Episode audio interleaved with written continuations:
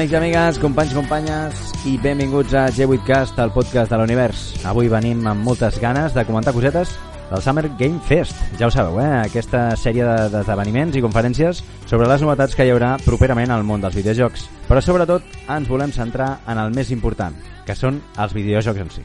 Més enllà de passar de puntetes per les gales, que bueno, poder les toquem, algú altre les tocarem, a veure si durant eh, durant el transcurs del, del podcast eh, ho veurem definitivament doncs volem eh, centrar-nos eh, sobretot doncs això, no? en el que és el que realment li importa al jugador que són els títols que sortiran en un futur més o menys proper o llunyà també, com sempre, volem fer eh, esment de la nostra gratitud a la vostra confiança mostrada en aquest projecte que fa que el tirem endavant cada dia i de molt bon grat. Així que, de debò, moltes gràcies.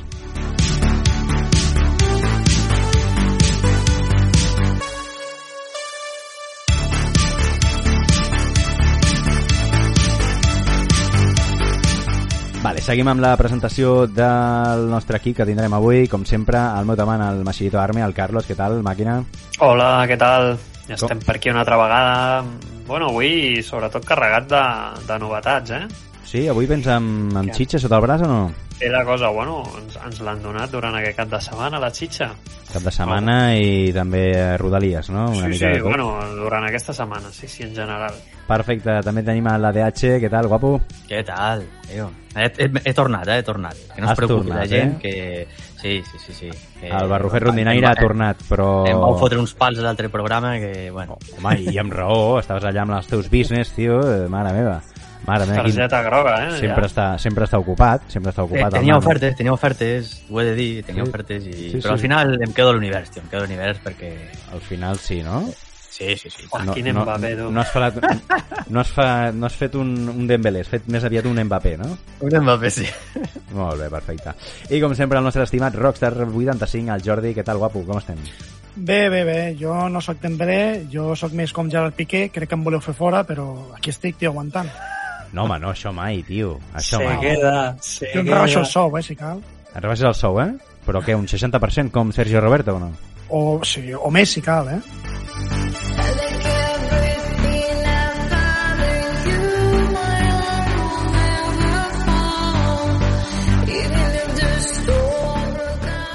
Bé, un cop fetes les presentacions, us volem fer 5 cèntims del format que adoptarem a l'hora de representar i destacar els jocs que per a nosaltres han estat els més destacats. I per aquestes cosetes tenim, com sempre, el company Jordi, el Rockstar 85, que se li dona de fàbula. Eh, lladre? Vinga, va, fot-li. Doncs sí, Geri, avui tenim un repte molt gran, ja que és al final del programa i tots els oients podran determinar si el nostre criteri és bo o és així. Ja que avui tenim als nostres espatlles la responsabilitat de mostrar al món quines són i seran els jocs més destacats, cridaners i meravellosos dels que s'han mostrat durant aquest Summer Game Fest. Com ho farem? Doncs de la següent manera. Completarem tres rondes amb un joc destacat de cadascú fins a arribar als tres més destacats de cada tertulià. Per tant, tindrem, senyores i senyors, els 12 jocs que ho petaran més dels ensenyats en les conferències del Summer Game Fest. Ara fora conyes, repetim i volem deixar clar que són opinions i criteris personals i en cap cas volem extrapolar-lo a quelcom de pensament generalitzat. Perfecte, Rockstar, moltes gràcies. Doncs què us sembla si encetem la primera ronda de jocs interessants d'aquest Summer Game Fest? Amb el Mashi? Sí? Vamos allá, ¿no?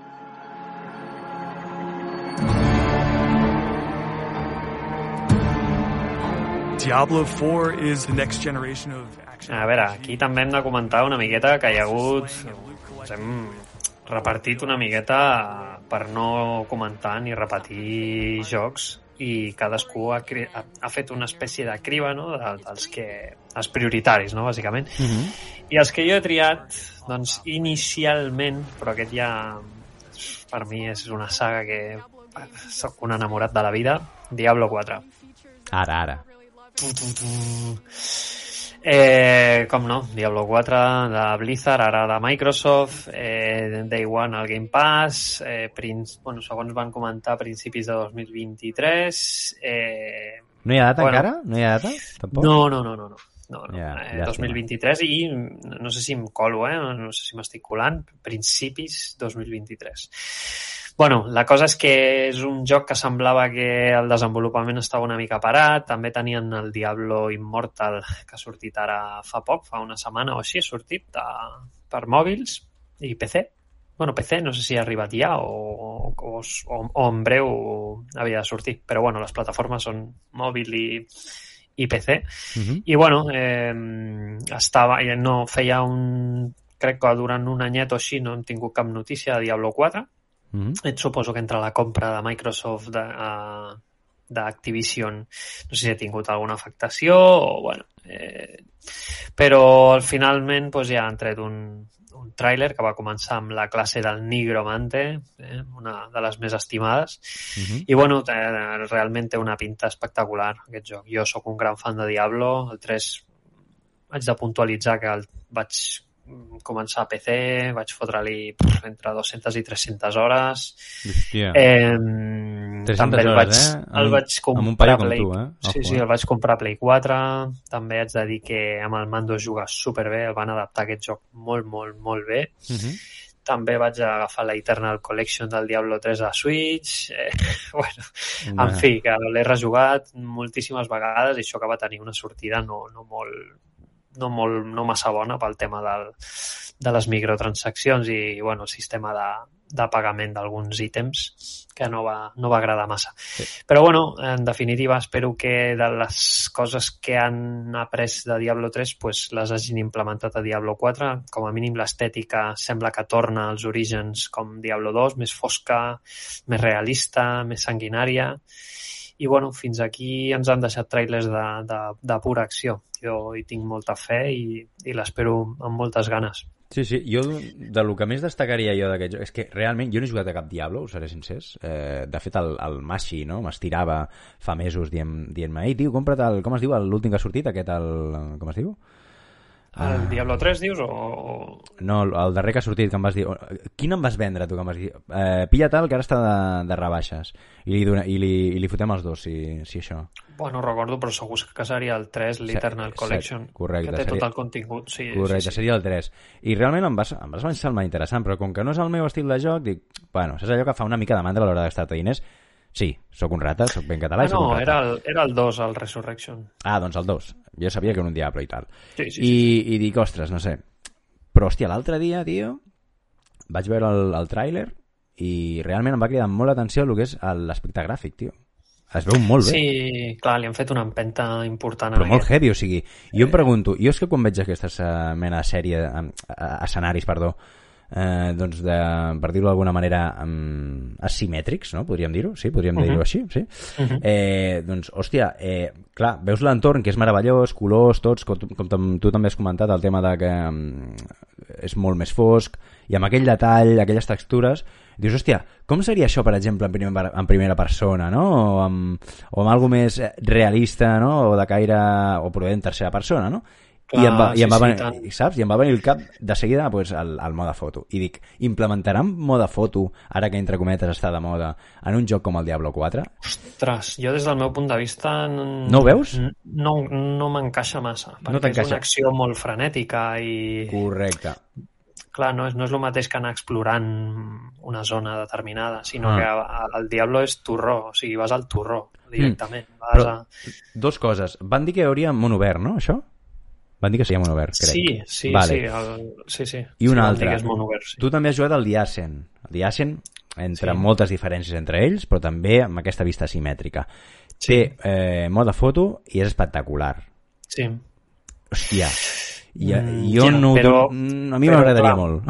Pensa que Diascen té un entorn molt maco en el que Mm. el mode foto pues, és Sí, bastant és viable, no? Sí, Eh, sí. Diablo, tu pensa que els tela, escenaris eh? són foscos, o sigui, Sí. tu has d'anar tu has d'anar obrint la, la boira que hi ha negra, Mhm. perquè si no, o sigui, tu no pots veure el que hi ha en el mapa, que és la gràcia de la jugabilitat de Diablo, Ja. que és que els escenaris es generen de forma procedural per fer-lo el màxim rejugable possible.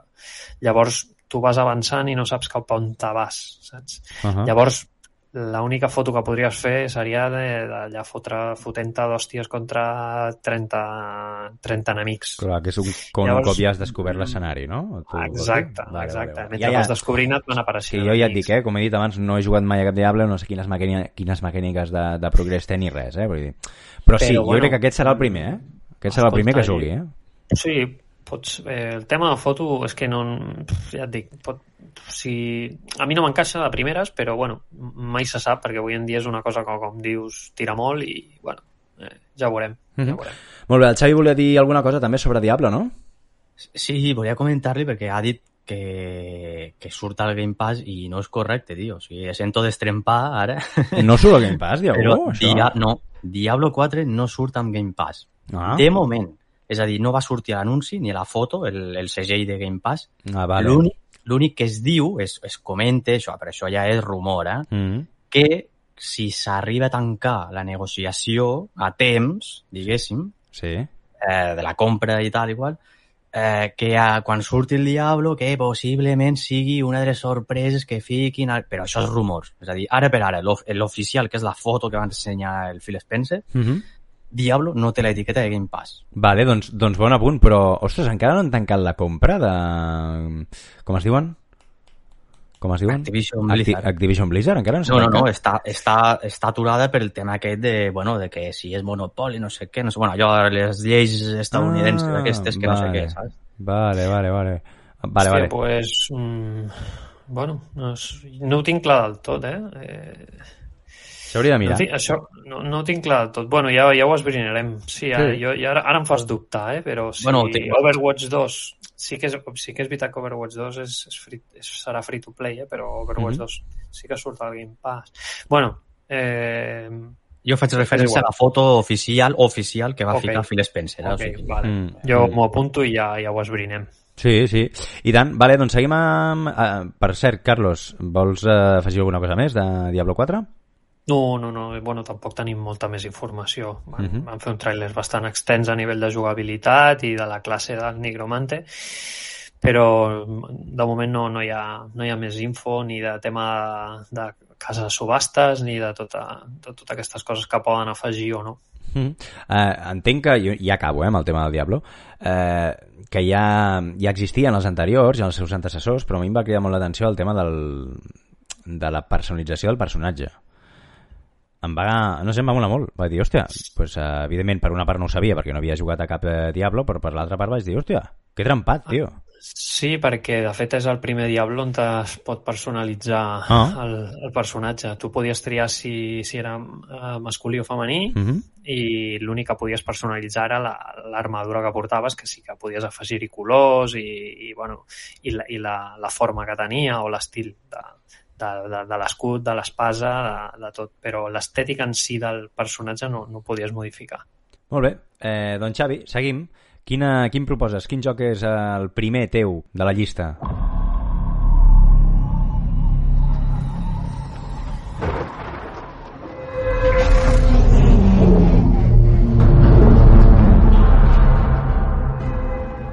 Doncs jo he pensat que un que vam veure l'State of Play, que és el Callisto Protocol.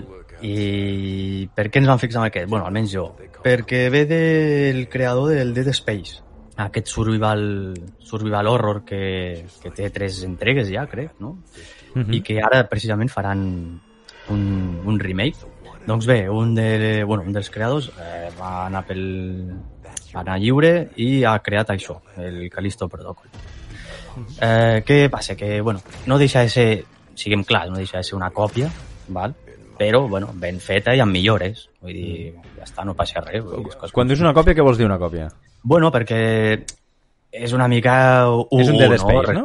És un Dead Space, o sigui, no? tu mires el tràiler i tothom va dir el, el nuevo Dead Space, o sigui, Sí. tothom va dir el mateix. I després fica Callisto Protocol, vale.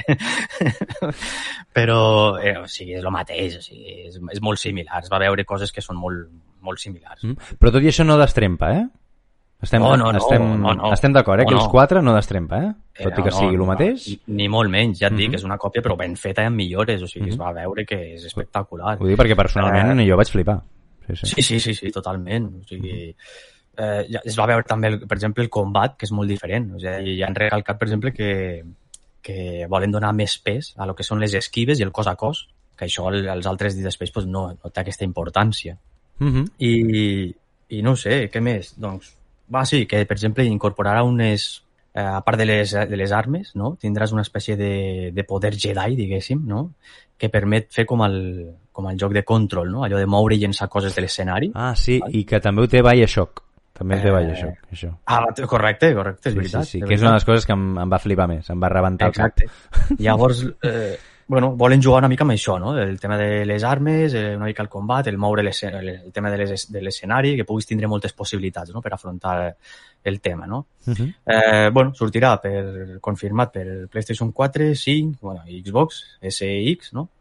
Eh, L'únic que han destacat és que estan fent un treball específic, no?, amb el DualSense. Vull dir que si tens la Play Ah. 5, en principi amb el DualSense, hòstia, serà una meravella. Bueno, ja ho veurem perquè a veure si és veritat que comencen a aprofitar les coses, no? I amb sortida el 2 de desembre.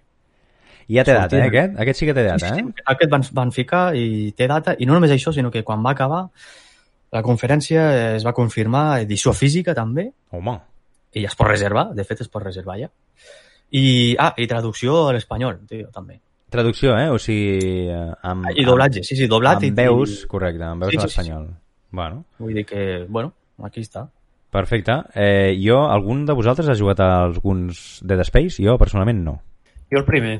Tu vas jugar el primer, i què tal va semblar? Bé, bé, molt bé. Eh, al final és un joc que veu molt de Resident Evil, Uh -huh. tant com...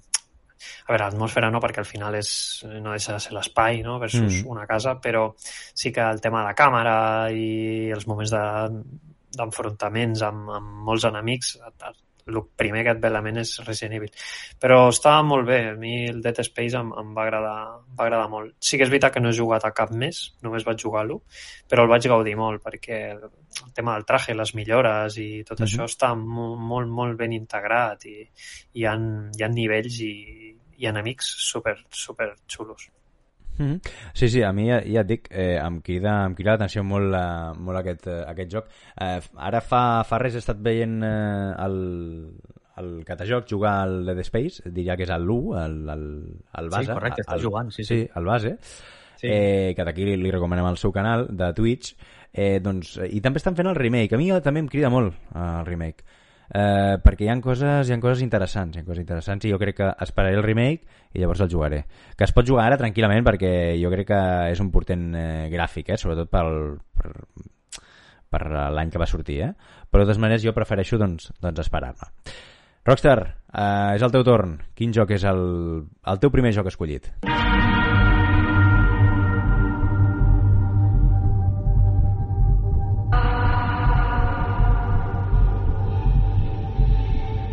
Ei, què tal? Doncs el meu primer joc escollit va sortir al, al Bethesda Showcase de Xbox i és Scorn. Scorn és un joc que ens van prometre per l'any passat, crec que ens van dir que seria el maig del 2021, si me'n recordo bé, que és un joc que és un estil biopunk, una estètica molt Aker Giger o Zizlaw Bekinski, no? que convida molt aquest tipus d'art amb el son, no? una mica Lovecraftià i molt com orgànica espacial, no? en el qual pues, pues, bueno, sembla ser que és una espècie de shooter, no?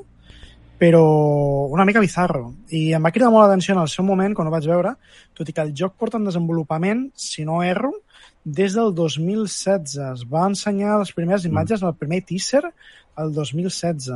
I ara, a dia d'avui, el podrem tenir, si tot va bé, a l'octubre d'aquest mateix any, tant per Windows com per Series X i Series S. Em, algú vol dir alguna cosa sobre Scorn? No, comentar que això que ha dit el Rockstar, que aquest, aquest eh, porta molts anys. De fet, el, el 2020 ja va sortir a, la, a una conferència d'Xbox. Vull dir que portem ja molts anys amb això, ensenyant coses de- d'aquest joc i no acabem mai de sortir. No sé. Sí, A eh, veure si tenim sort i aquest any és la definitiva, vaja. Sí, sí. Sí, a mi em barrufa la cosa que deu ser un tema de gameplay, perquè és un joc que el, per mi la seva la, la, la potència inicial és el- l'atmosfera i l'art d'aquest joc, bàsicament. Però pel que he vist té un gameplay una mica estrany, Regulero? Em refereixo. Què vols dir? Què vols dir? que, o sigui, és com és que, que no hi ha massa acció i no sé si és que el problema sí. d'aquest joc és com fer-ho que no sigui un, jo què sé, un...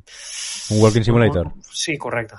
Sí, més Sí, o és menys. que en un principi, quan ho veus, dius, ostres, això és un Doom, no? Però no té aquest frenetisme que hauria de tenir. Correcte. Hi ha molta cosa creepy, vale? que, que ha... A mi és un joc que jo l'estic esperant des de, vamos, des de que vaig veure per primera vegada perquè l'art ja em fascina. Eh? Mm. Però jo tot el que he vist fins ara de gameplay és com raro. O sigui, és, est- veig que clarament és estil puzzle, d'anar obrint coses, desbloquejant i tal, i, i enemics molt creepies, però és com més de fugir i tal, i no... Mm. Té lluita no per això, si- perquè hi ha armes, ensenyen armes, no? Sí, armes una mica bio rares i, sí. bueno, però no sé, potser els problemes de desenvolupament van una mica en aquest sentit, Mm. de que el joc no sigui fluix a nivell de gameplay. Sí, a mi l'altre dia vaig estar parlant amb el Maixirido aquí, off the record, i, i, li, i li comentava que, hòstia, fuig totalment de lo que a mi m'agrada estèticament, no? Però em, em fascina, tio, em fascina. O sigui, eh, també, eh, bueno, té, té, té un clar, una, clar, una clara, eh, com ha dit el Rockstar, referència a l'H.R. Giger, i per tant, doncs, eh, que és el, el, el pare pràcticament així dir-ho, d'Alien, no? Pel que fa a la- a l'art, no? I només per això suposo que a mi em crida, però és que és com, ostres, realment, si jo m'ho poso... A mi les coses carregades, així rupestres, no m'agraden, però que té un punt així de, de, de, de, de gore total, tio, que dius, però com pot ser, tio? O sigui, heu vist, heu vist quan s'arranca les, les històries de la panxa, que Sí. quan, quan fica els braços en aquelles menes de... O sigui, tot, tot superorgànic i integrat amb el propi cos. És escarós, tio. No sé si l'aguantaria el gameplay, eh? Home, hi ha coses que em recorden una mica el Soma. A tu que et va molt el Soma? Mm -hmm. No, no hi ha coses... Saps com foties el braç en aquella Sí. espècie de... De cablejat. d'abscés, de l'abscés aquell que foties, saps? Eh. Doncs em recorda molt aquell, aquell rotllo, no? Mm -hmm. A mi em Um, recorda més a l'Agony. Agony. Hòstia, tu has jugat a l'Agony, tio? Bueno, no he jugat, però he vist gameplay. Per I- pura curiositat, eh? Ja, ja, jo el ja, tinc, ja. eh? Jo el tinc, però està ja, eh? Retractilat encara, tio. A l'Agony? Me'l me van deixar tan malament, tio, que no... Sí, de fet, de... oh, sí, sí, tothom el va deixar parir. Tothom el va I deixar després parir. van treure versió sense censura al a Steam. Eh. I, hòstia, sense censura, eh? Vés a saber el que en tenia de censura, no sé. Vés a saber, vés a saber. He's got everything to do with that little girl.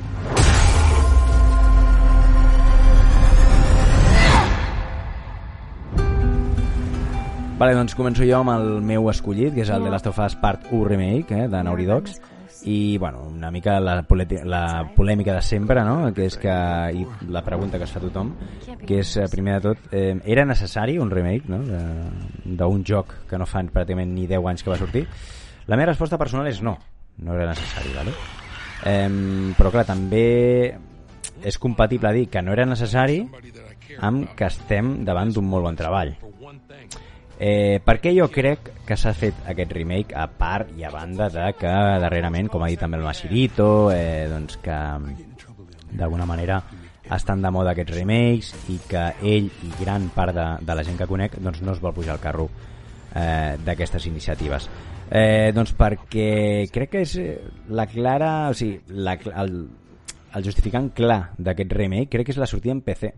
Crec, eh? des del meu punt de vista. Podem equivoco i ara aquí poder em tiro a sobre. Eh, crec que és la sortida en PC, de la part 1 i la part 2. I d'aquesta manera els dos que estiguin en la mateixa qualitat eh, pel que fa tecnològica. No sé si m'explico. I d'aquesta manera també també hi ha l'altre vessant no? de la gent o les generacions que no van poder jugar a l'1, que fa 10 anys poder anaven amb bolquers, per així dir-ho, doncs que puguin jugar a l'1 i, i trobin les, les simbiosis no? I, i les unions que, que va i que porta l'1 eh, directament amb el 2.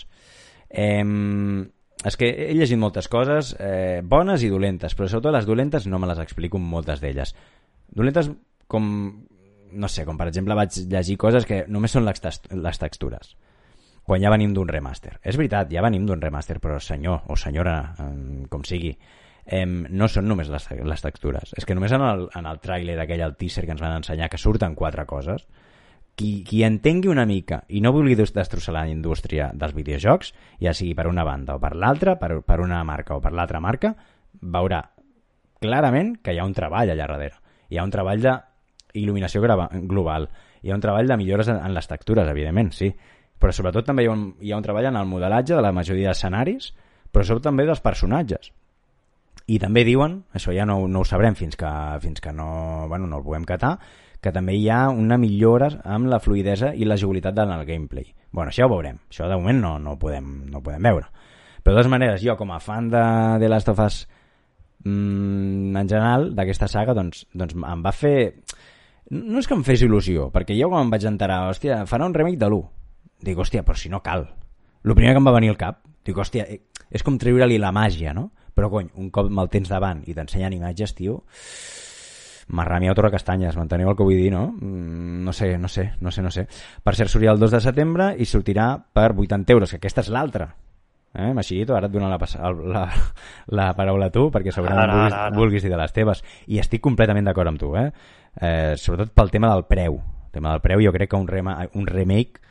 Hòstia, doncs... doncs ja, ja no et dic que me'l posis a 40 euros, que me'l compraria... No dieu no, bueno, me'l compraria sense mirar, sinó, hòstia, no posis aquests preus com si fos un joc nou, no? Com si fos un joc nou, el típic joc nou de nova generació de 80 euros, no m'ho posis.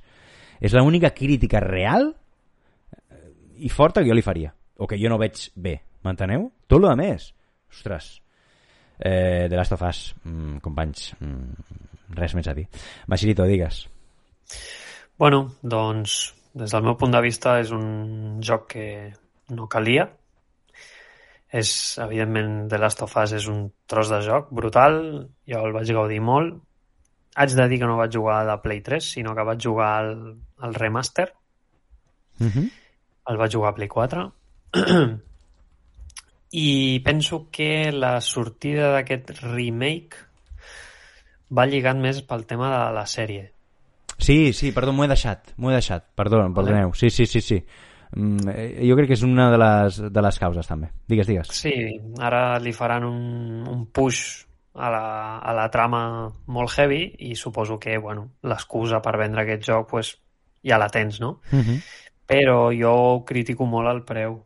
No, no, jo no trobo, no ho trobo bé pagar 80 euros per, per un joc que ja sé el que m'has d'explicar. És una història que ja he viscut. Mm -hmm. Vale, que l'experiència i tot això, bueno, que em vulguin vendre que és totalment renovada, però al final és un joc que ja sé el que passarà i és un joc al qual ja existia, sí que no és el mateix, però ja existia un, un remaster. Llavors, un remake d'un remaster i a 80 euros, jo no, és que no és excusable. No. Penso que hi ha, no sé, hi ha, poden fer, és que, no sé, sí que és lo, no és el mateix fer una IP nova que desenvolupar un joc que ja la història ja la tens i, i pots aprofitar moltes coses, vale? Uh -huh. fins i tot està el motor gràfic, sí, sí. Aquí ja, i això ja em fico en un tema que, que, que desconec, eh? però bueno, em refereixo que no, no és el mateix que fer una IP nova, evidentment, sobretot en, en timing i en tot. I, bueno, els hi coincideix amb el tema de la sèrie, bueno, no sé, és com propulsar una IP de Sony, que a nivell de negoci ho trobo normal, però no trobo normal el preu en el que es ven aquest joc. Clar, és que és, la clau està en això, en el preu, no? És com lo dels jugadors cars de futbol i lo dels ju- els jugadors barats. Depèn del que et rendeix. O sigui, al cap i a la fi determina moltes vegades el seu rendiment, segons com t'han rendit, no? I una mica el tema per això salvant les mil diferències que hi ha, eh? Enteneu, eh? eh jo crec que és això, és el preu, tio. Perquè, no sé, jo ho trobo atra atractiu que, que quan ho vulguin treure a PC vulguin treure amb una qualitat eh, de, si més no, igual que el 2 a part tema de, de la sèrie. I, i, i a més a més um, doncs perquè aquestes generacions que no ho van poder veure i que, hòstia, passen d'un remaster eh, doncs la puguin viure. Um, bueno, però sí, sí, jo t'entenc t'entenc perfectament Rockstar, què volies dir, tio? No, no, no, bàsicament volia comentar això també de, del tema de la, de la sèrie, no? que just quan van comentar que es faria una sèrie ja van dir que, bueno, que segurament farien un remake, van parlar de que Vent Studio no? serien els que farien el, desenvoluparien el, el videojoc, que ara al final no sé si ho han fet ells o no, però Jo vaig, vaig estar... Te'n recordes com ho vas preguntar l'altre dia Mm. pel grup? Jo ho, vaig, ho he estat mirant avui i només posa Naughty Dogs. Per tant, no ho sé, poder surt a la llum d'aquí uns O mesos. potser els hi, donaia, els hi donaven suport Correcte. com a tercer, no ho sé. La cosa és que, bueno, eh, actualment és veritat que tenim molts remakes, no? Tenim remakes com el Final Fantasy VII Remake, que és totalment un, un reboot, tenim remakes com Resident Evil 2, no? que toquen part de la història, l'augmenten, tenim remakes com el, el Zelda de Switch, no? I, clar, en aquests casos, tot i que el preu és més econòmic, doncs pots arribar a entendre que estàs pagant per un joc que podria presentar-se amb un Godi perquè són totalment diferents. Però en aquest cas, dubto que modifiquin massa la història com perquè diguin mira, acceptem aquest preu perquè és el que hi ha. I a més també tenim de tenir en compte que els preus doncs, últimament cauen en picat en, en pocs mesos. Així que no ens estranyarien, tot i que és veritat que hi ha alguna cosa com el Demon Soul i tot això que està costant que baixi de preu, doncs que en pocs mesos estigui pues, per 60 o 40. Mm. Sí, una, hòstia, un exclusiu de Sony no, no, no ho sé si tant seria així, però sí que és veritat que al ser un remake, poder això no, però poder el posen en alguna de les, de les subscripcions del Plus, poder, perquè el pugui catar la gent, no ho sé, no sé com aniria el tema, però en tot cas eh, és interessant el, la reflexió aquesta que fas. Eh, DH, què volies dir, company? Sí, bueno, comentar això, que surt el 2 de setembre, que crec que no ho has dit. Ah, no? Ah, vale, Eh, ok. crec doncs sí, no, digues, digues. Apunto que surt el 2 de setembre per PlayStation 5 i PC, val? Mhm. Segon, que jo també penso que és innecessari, o sigui, simplement ha sortit per donar-li bombo a la sèrie, eh, no, no passa res. Mhm. Eh, tercer, eh, Jimbo dimissió per 80 pavos, o sigui, me sembla... Mm, en fi, o sigui, no, no s'hauria de vendre ni un, però bueno, Com li has està. dit? Com li has dit? A... Com li has dit? Bueno, Jimbo, Jimbo divisió, tio. O sigui, Jimbo, eh? El Jim A veure. Ryan, sí. Ja, O sigui que... Això no té, no té preu, no té preu això de, No, no, no, de fotre el joc aquest a 80 pavos. Però, però després no us veig, no us veig donant les gràcies a, eh, al joc per haver fet que, que el pobre Geoff fotés una cara al Summer Game Fest que, vamos... Ah, sí, perquè es va, es va desvetllar, no? Sí, Ah, sí. claro. L'exclusiveta, l'exclusiveta, sí, sí, sí. Gràcies a, a la filtració del vídeo, I el això Geoff va- estar tota la, la, tot el, el Summer Game Fest amb una cara, tio. I, I això et va agradar, Sí. eh, lladre, això? Sí, sí, sí. Home, això jo crec que ens ha agradat a tots. A Però tots què, els vol, que no, què, només què vols dir, Xavi, amb la cara? Què, què li passava a la cara? Cara de pocs Que, amics. ten, que tenia una mala llet, Mm. Però, Clar, que, però, vamos, però de una, fet, una, una cosa, una, una pregunta, Xavi, eh? És que potser m'equivoco, però tu creus que és per això o perquè Kojima està desenvolupant un videojoc per Xbox, tio? Del Geoff, sí? Creus que, que el Geoff està així una mica lligat amb, amb PlayStation?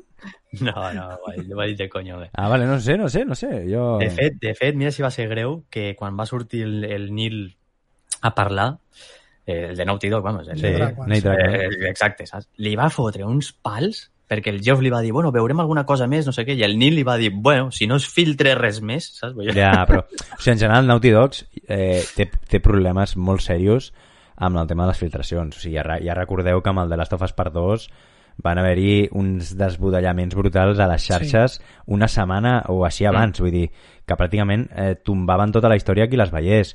O sigui, ara això... Hòstia, jo crec que han de començar a fer una mica de criba, eh? Perquè si no... És que entenc que ve de dins, no? Entenc que ve de dins. No són insiders aquesta penya, si no ja estarien al carrer. Jo crec que entenc que tot ve de dins. Ni idea, ni idea. No dos-. Bueno, de fet, de, ojo, una cosa, de fet el, el tràiler és culpa de Sony. Va sortir a la, a la pàgina de Sony, eh? Què vols dir? que el tràiler, el tràiler filtrat, no va ser per internet, va sortir, es va filtrar amb una web a, a, a la store, a la store de Sony. De quin país? No ho sé, això no me'n recordo quin va ser. Ah, ostres, Però va sortir a la, a la store, vull dir que va ser una filtració, Sí, diguéssim. se'ls hi va colar, vols dir tu, eh? Eh, Sí, sí, que la culpa va ser al Li van- principi, la, la, la, la culpa inicial va ser de Sony. M'imagino va- el becari allà en el WordPress donant-li al publicar, saps? En lloc del desar a l'esborrany. I, en fi, és igual, tio. Quines històries, tio, quines històries. Voleu afegir alguna cosa més sobre, sobre The Last of Us Part 1 o 2? O Neil Druckmann o Jeff Kigley? No? Doncs perfecte. Eh, Machirito, et toca tu, crec. El teu joc número 2 que has triat a la teva llista.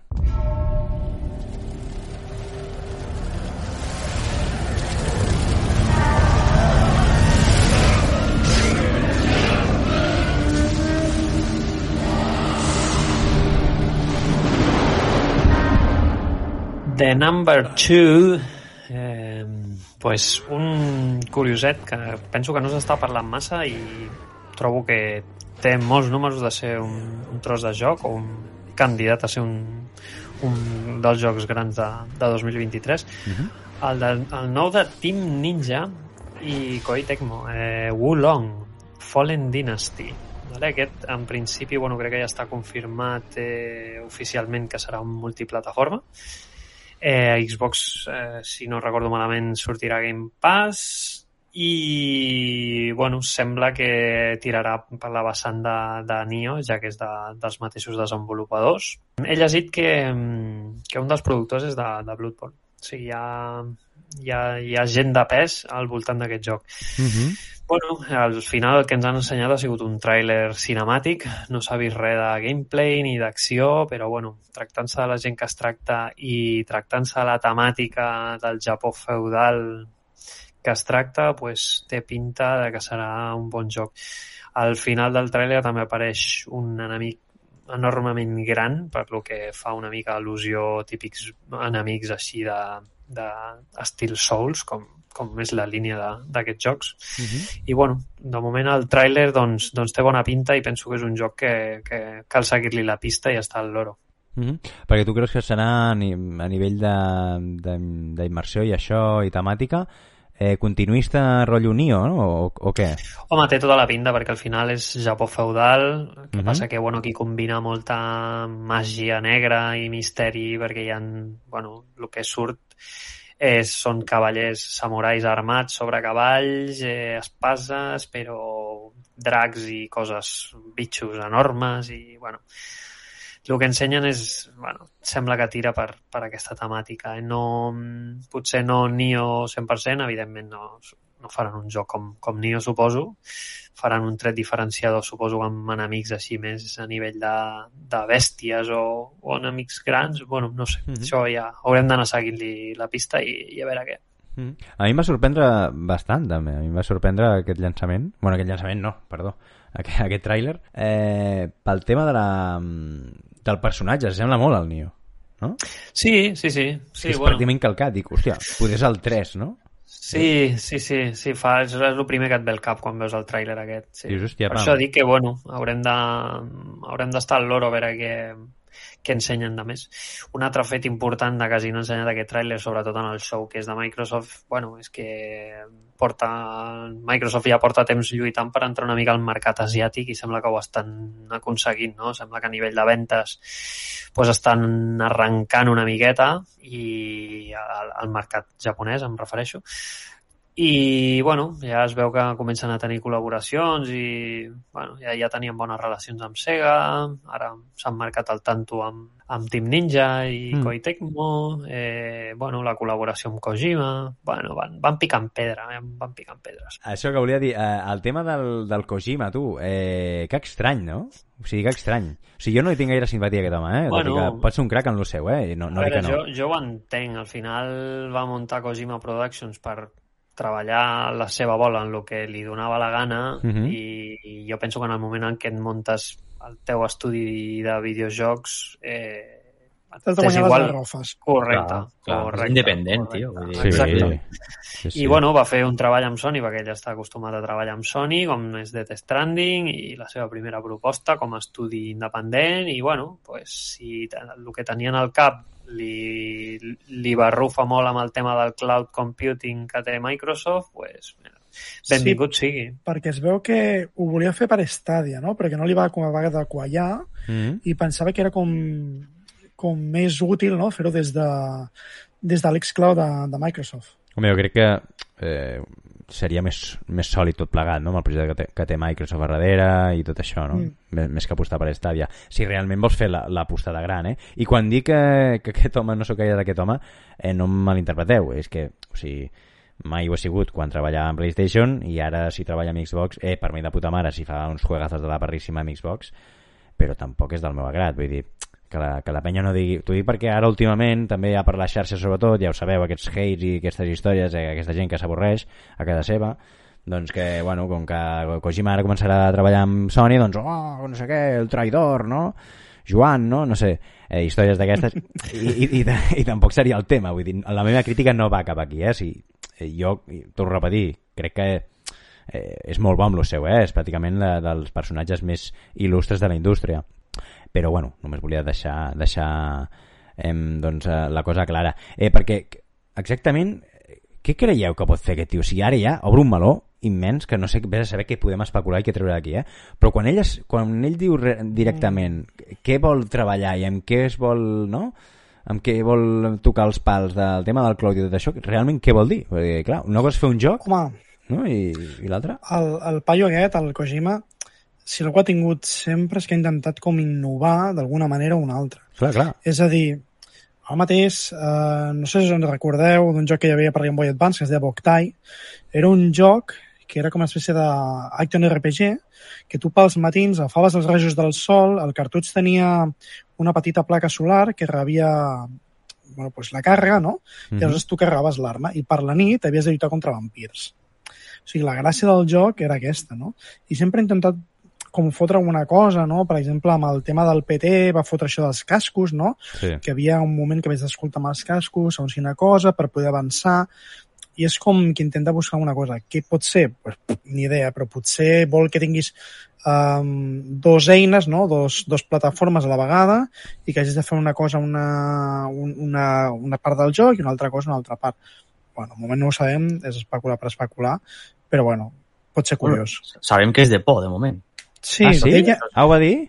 deien, Sí, bueno, s'ha filtrat, el títol és el Hòstia. Overdose, Overdose. sí, i deien que la protagonista seria la mama de Death Stranding. Ah, cony! Però sí, ja, ja s'ha filtrat el nom i tot, tio. Soc un... De... O sigui, perdoneu, De fet, eh? sí, sí, Demano el nom perdó va filtrar. a, a la... I de fet es va filtrar un tràiler que ràpidament ha desaparegut de tot internet, o sigui, no sé on trobar-lo, però va, va sortir durant unes hores un petit tràiler. En sèrio De que fet, aquelles de- lletres de- que... Perdona, Xavi, aquelles lletres que posa Sí, sí. Overdose és el títol de Kojima? És el títol de... Exacte. Hòstia puta, tio. I Demano de perdó, fet, eh? dic, te dic una altra cosa. Te dic una altra cosa. Eh, a, la, a la conferència de Xbox, Mm? quan surt ell dient "Eh, estoy haciendo un juego, venga, adiós, ¿vale? Allí, i allí amb, aquell, amb aquell tros, anava el seu tràiler, tio. Hòstia. I per què no l'han tret? ell. I saps per què? Saps per què ho sé això? Perquè hi ha molta gent que, que, que treballa d'això, d'edició i tal i qual, Mhm. i se veu que al moment aquell, eh, si ho mires d'un altre idioma, el, el que deia el Kojima no està amb, amb subtítols ficats ni res. És a dir, és com que ho van ficar després, saps? Mm. L'edició la van fer després. Resulta que allí anava el tràiler i degut a que es va filtrar aquella mateixa setmana, pues devien dir, mira, pues ara no el fico, ara surto jo i dic que estic fent alguna Hòstia. Això és una cosa curiosa, no? Perquè es queixaven molt de que l'E3, un dels problemes que hi havia i que, i que va fer que Sony es cabregés i fes com, com una mica la guerra per la seva banda, eren les filtracions i tot i així encara segueixen havent-hi. Mm. Ja, ja. Hòstia, tio, doncs mira, veieu, veieu de què serveix escoltar G8Cas, el podcast de l'univers, tio? Que t'enteres de històries de, com aquesta que, que ha dit el Xavi el, i el, eh, i el Rockstar. Eh, i Salseo, tio, el salseo. El salseo, el salseo, sí, sí, és així, és així. Que, CSI Miami, tu. correcte, tio, que si no fos per, per això no us, no us haguéssiu enterat, lladres.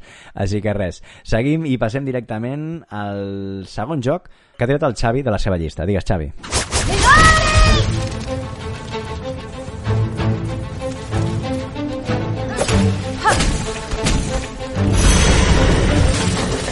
sí, bé, bueno, a veure, a veure, jo aquest no volia parlar d'aquest joc. comencem bé, Sí, doncs. sí, perquè no sabem quan surt, bàsicament, no té, no té fetge, data de sortida, vale? Uh -huh. Però, com que m'has insistit, perquè m'has dit que sóc un hooligan del primer, doncs dic, bueno, bueno pues ja Quina parlo. por m'estàs fent. ja a molts ho hauran ende- endevinat, no? És eh, Silsong, eh? és la, la continuació de Hollow Knight, val? Ah, molt bé. Eh, què passa? Que bueno, ens va, va sortir un, un tràiler eh, al- a la conferència d'Xbox i tothom pensava que pues, això, que crec que va ser el segon tràiler que vas ficar, o el primer o el segon, eh? I, i clar, tots estàvem allí, hòstia, ja està, ja està, ara surt aquí la data i venga. Eh, no, simplement va ser un tràiler que, com el que havíem vist ja anteriorment, on surt el, una mica com funciona tot, algunes mecàniques i això, saps? Eh, coses a destacar respecte al primer, eh, doncs la jugabilitat. La jugabilitat que del personatge, que és la Hornet, que és ja un personatge que sortia al primer, que al primer surt com a enemic i aquí el portem, val? Eh, doncs sembla més ràpid que, que no pas amb el, amb el Knight, que és el que portàvem amb, Mhm. al primer joc. És molt més àgil, diguéssim, no? Es pot veure com té molts més atacs. Es veu un atac que és eh, de dalt a baix, per exemple, un atac ràpid eh, de laterals, Mhm. eh, llançament de punxes o boles amb punxes també es veu, i fins i tot un atac especial. Val? Llavors, pues, bueno, això ja és bastant més del que teníem al primer, que al primer pues, tenies unes certes unes certes eh, màgies, diguéssim, no? uns, unes, uns amulets, diguéssim, però l'atac era bàsic, era un atac carregat i ja està, i un atac normal, no? I aquí hem vist que va més enllà, no? Mhm.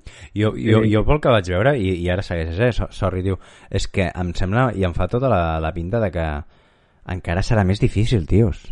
Molt més difícil, és el que anava a dir ara. Eh, T'anava a dir que els, això segurament que el que provocarà és que els combats siguin més frenètics i de molta més habilitat. És a dir, el que els combats que hem vist al tràiler ja es veu, són dos o tres personatges, fins i tot, eh, els enemics es mouen molt més ràpid, clar, si tu et, mou, eh, et mous més, més ràpid i tens més habilitats, doncs clar, t'ho han de ficar més, més difícil, no? Vull dir, vull dir que serà complicat, es veu, eh? Bueno, ja el primer ja és gairebé impossible, Uf. val? o sigui, el primer hi ha zones que literal, eh, bueno, dies, jo vaig estar dies, saps? O sigui, dies per passar-me unes zones, saps? O sigui, Sí, sí, és, és extremadament eh, difícil, ja, ja Sí. us ho dic. Què, què més? Això, bueno, l'estil gràfic que, que es manté i també es manté l'excel·lent música de, del Christopher Lang Larkin, que és el que va ficar la, la banda sonora ja del primer i el segon, pues, tornem a tindre'l. I moltes ganes, no sé, a veure quan diuen alguna cosa i ja està. Sí, no? Perquè vosaltres... 2028. 2028, no? Podria Sí, ser. sí, sí, sí, sí, sí. A, a aquest ritme. Clar, és que sobre és el típic, eh, el típic joc eh, que en molts llocs eh, doncs es diu, ah, va, que avui surt alguna que avui surt alguna que avui no sé què, que... I, i, és és dels més esperats, no? I este que et vingui, jo, eh, si ets fan, com per exemple el Xavi, i, i que et vinguin, eh, t'ensenyin el, el tràiler i això, i estiguin esperant al final, no?, que, la data de, de sortida, i no trobin, i, no, i et trobis amb res, doncs... Bueno, crec- deixa'm dir una cosa, que, que al final no es va dir la data, però Mhm. el tràiler va servir per dir que sortia dia 1 al Game Pass, això sí. Sí, això és molt important, però clar, si estàs tant de temps esperant-ho, tio, Sí. no? Eh, Destrimpen una mica, tio. Ostres, Eh, no sé, no sé. Però bueno, de totes maneres és el que ja se sap, no? Que el, el joc aquest del hype i, i, i aquestes històries. Alguna cosa a dir, Mashirito, eh, Rockstar? Bueno, a mi em va agradar molt el Hollow Knight. De fet, jo us he de dir que vaig començar a jugar a Hollow Knight arran d'escoltar jugar, bueno, del que va dir el, el, el Xavi en una cada Catalunya PlayStation. Mhm. És a dir, me'l va vendre tan bé que vaig dir, ostres, pues, me'l posaré a jugar. I el vaig jugar i vaig pensar, uf, això té pinta de llarg, eh? Però em va molar tant, tant, tant, Mm. i tot i que vaig jugar unes 87 hores, em sembla que van ser, vaig treure un 107% del joc, doncs em va semblar flipant. És molt bo, és molt exigent, això sí que és veritat, Mm. però jo crec que és un, un tipus d'exigència que a mesura que vas jugant no el veus tan difícil. Fins que hi ha zones que sí que és veritat que són complicades. Mm. Jo ja us dic, eh, el vaig jugar, vaig jugar com unes 10-11 hores i mm, em va encantar, però no és un joc per mi. Eh, jo crec que 20 minuts més i desapareix el meu mando de la vista. Eh, Un clàssic, eh, d'aquests. sí, un clàssic meu. Vull dir, Jo el tinc pendent, però bueno, normal. Veus? Tu jo crec que ets un tio que, que t'agradarà i molt. Sí, segur. Bueno, Ja, jo, eh, eh, dels que esteu aquí heu jugat a Cuphead? És més complicat que Sí, Cuphead? sí, sí. És més complicat. Hollow Sí? Knight és, me- és més complicat, sí, sí. Bueno, bé, bé, bé, bé. Vale, vale, va. Ja li fotrem. Molt bé, doncs eh, Rockstar, ara sí. Eh, Digue'ns el teu segon de la llista, el teu escollit segon de la llista.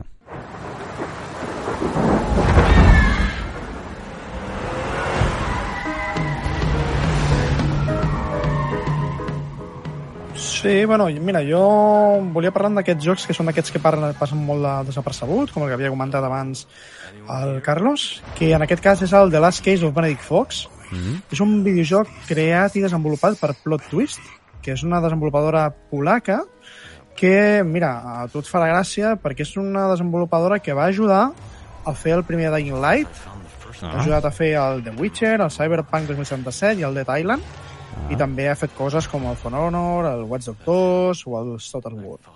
Val? El videojoc transcorre en el 1925, si recordo bé, i, i bé, tenim un joc que és un Metroidvania, que són d'aquests jocs pues, que agafen les, les mecàniques dels antics Castlevanias o Metroid, és a dir, tu avances amb un format de joc arcade, aconsegueixes unes millores per poder anar a darrere, a obrir uns passadissos o, o aconseguir algunes millores i així anar avançant a la història o anar aconseguint pues, més armes o millores al teu personatge.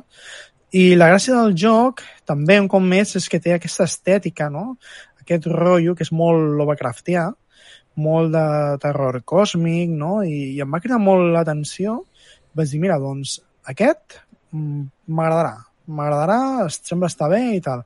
El problema és que un cop més aquest joc se'n va a cap a primavera del 2023, si tot va bé, clar. Uf. Sí, sí. I aquests que, per exemple, que et diuen, hòstia, primavera del 2023, aquests que ja queda tan lluny, jo crec que, clar, hem de comptar també i no, no descartar sobretot si realment es compleix això. Perquè Clar. quan, quan diuen alguna tan orientatiu, no? doncs moltes vegades eh, els acaba sortint el, el tret per la culata. Dius que han fet han estat dins de Dead Island, eh, Dying Light i tot això? Sí, Dius? sí. Hòstia. Ja veus, ja veus, ja veus, ja veus. I, i què és el que més t'ha creat l'atenció d'això? Perdona. Doncs molt, el rotllo... Bueno, primer que els Metroidvanias a mi és un, és un estil de joc que m'agrada molt. M'agrada uh. -huh. molt des que era petit. I segon, eh, aquest estil, aquest estil de Lovecraft, la veritat és que a mi bueno, és un dels meus escriptors preferits, em mola molt tot el món que s'ha creat al redador, eh, cinema, eh, literatura, Uh -huh. els jocs de rol de taula, etc. I em va flipar tant que, bueno, pues, a dia d'avui, pues, no sé si heu vist, per exemple, la pel·li aquesta de Color Out of Space, que fa el Nicolas Cage, que us la recomano. Sí. Una, és una pel·li bastant guapa i visualment és molt, molt top. I, i ostres, ho vaig veure, vaig veure aquests tipus de com dir-ho, de semideus i tal, aquest rotllo com victorià, tan apagat, tan fosc, que em va cridar molt l'atenció, tio.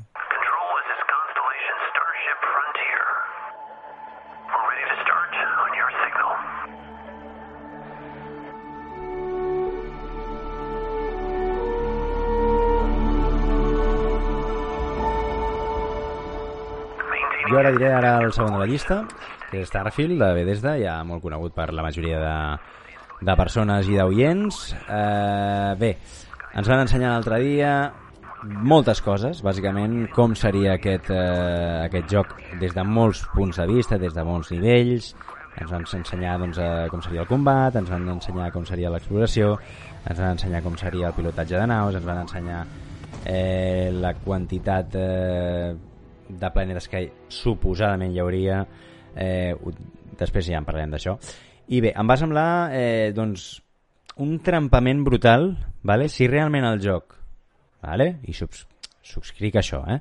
si realment el joc és així d'acord? o sigui, el dia que surti mm, no cabré a la me en el meu estudi vale? de lo trampat que aniré només dic això eh, dit això, què em va semblar? Em va semblar una, una experiència eh, doncs, que pot estar d'allò més bé. Em va semblar una barreja entre Fallout i No Man's Sky, d'acord? Fallout poquet, però cosetes, cosetes. Sobretot a nivell de, de fauna. Fauna van, van sortir alguns bitxos que em van, em van recordar molt, a, molt als Fallout.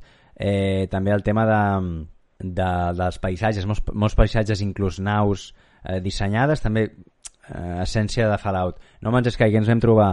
Eh, doncs l'exploració sobretot. Bàsicament l'exploració, eh, pots escanejar, eh, flora, eh, fauna, entenc que després aquest d'escaneig el pots eh, el pots vendre, no? Eh, constel·lacions diferents, entenc que la cosa n'hi ha per aquí. I també em va, em va eh, semblar algo molt semblant, valga la redundància, amb Star Citizen, el tema del vol de les naus. Vale? Unes naus meravelloses des del punt de vista del crafteig, eh, que em va patar el cap allà, vaig dir, hòstia, però quina autèntica bogeria. O sigui, em va semblar molt guai. El tema de pilotatge de les naus, no sé com anirà a nivell de, de gameplay, vale?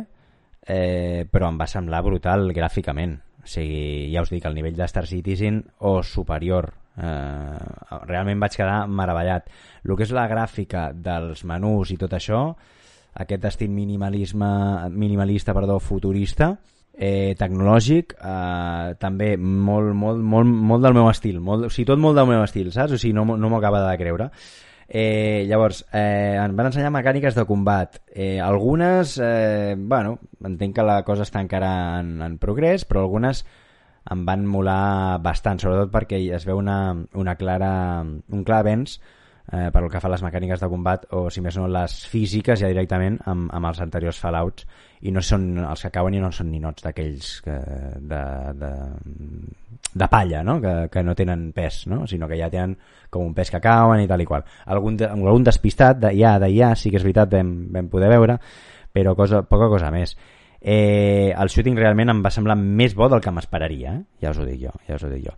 Apartat del, del diàleg, sempre és atractiu, sempre és atractiu poder eh, decidir sobre el que faràs, sobre el teu destí, sobre l'esdevenir del teu viatge, eh, tot i que hi ha dos punts aquí que són una mica reguleros. El tema del modelatge facial eh, està bé, deixem-ho aquí, està bé, però jo crec que, no sé, mm, és, és, és molt de, eh, el modelatge facial, però jo esperava alguna més currat, tot i que, torno a repetir, no és, és correcte és correcte i, i, i ja està i el tema de, sobretot de les converses el nostre personatge no tindrà veu i és un punt eh, que em faig enrere a l'hora de no? de de d'empatitzar amb el personatge els dieu-me tiquis-miquis eh? I, i, i també he jugat a jocs que, que no han tingut veu i he empatitzat molt amb el personatge però uh, és una cosa que per, per, potser si és un cantó no ho fas gaire bé, això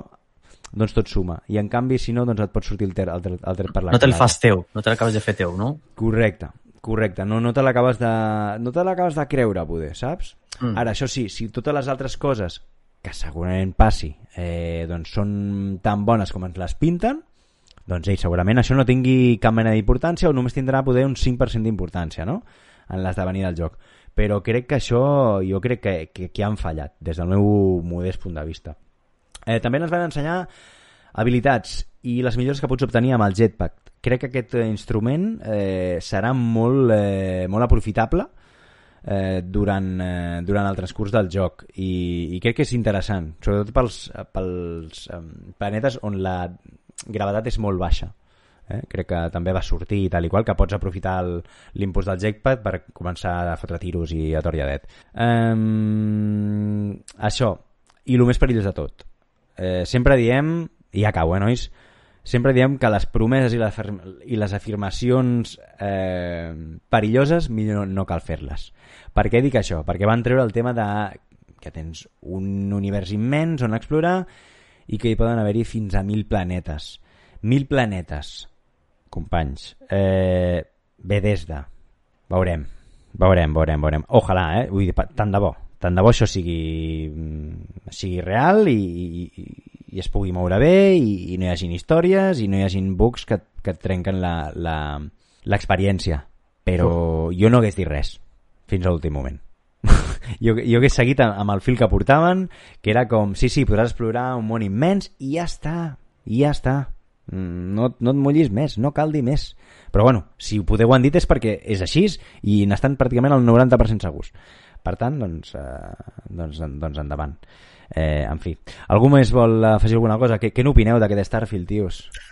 Bueno, molt complet. Jo pel que vaig veure i el vídeo que van ensenyar eh, ja es va, es va veure que era molt complet, tant el gameplay, eh, que, que es veia acció xula i, i, i, i bueno, acció que, que es pot gaudir, vaja, que, és, que no és un no és allò anecdòtic, no? que hi ha, hi ha acció, hi ha trets, hi ha armes, diferents armes i, i bueno, pots anar a robar coses, bueno, el, craft, el crafteig també, el tema de la nau, que ni m'ho esperava, jo pensava que era, bueno, una, podies anar d'un planeta a un altre, però, però no portaves directament la nau, tu. Uh -huh. Més complet del que, del que jo m'imaginava, no, aquest joc. Després cal veure què tal, no?, a nivell narratiu, o com, com va la història, o a nivell de rol, o no, no sé.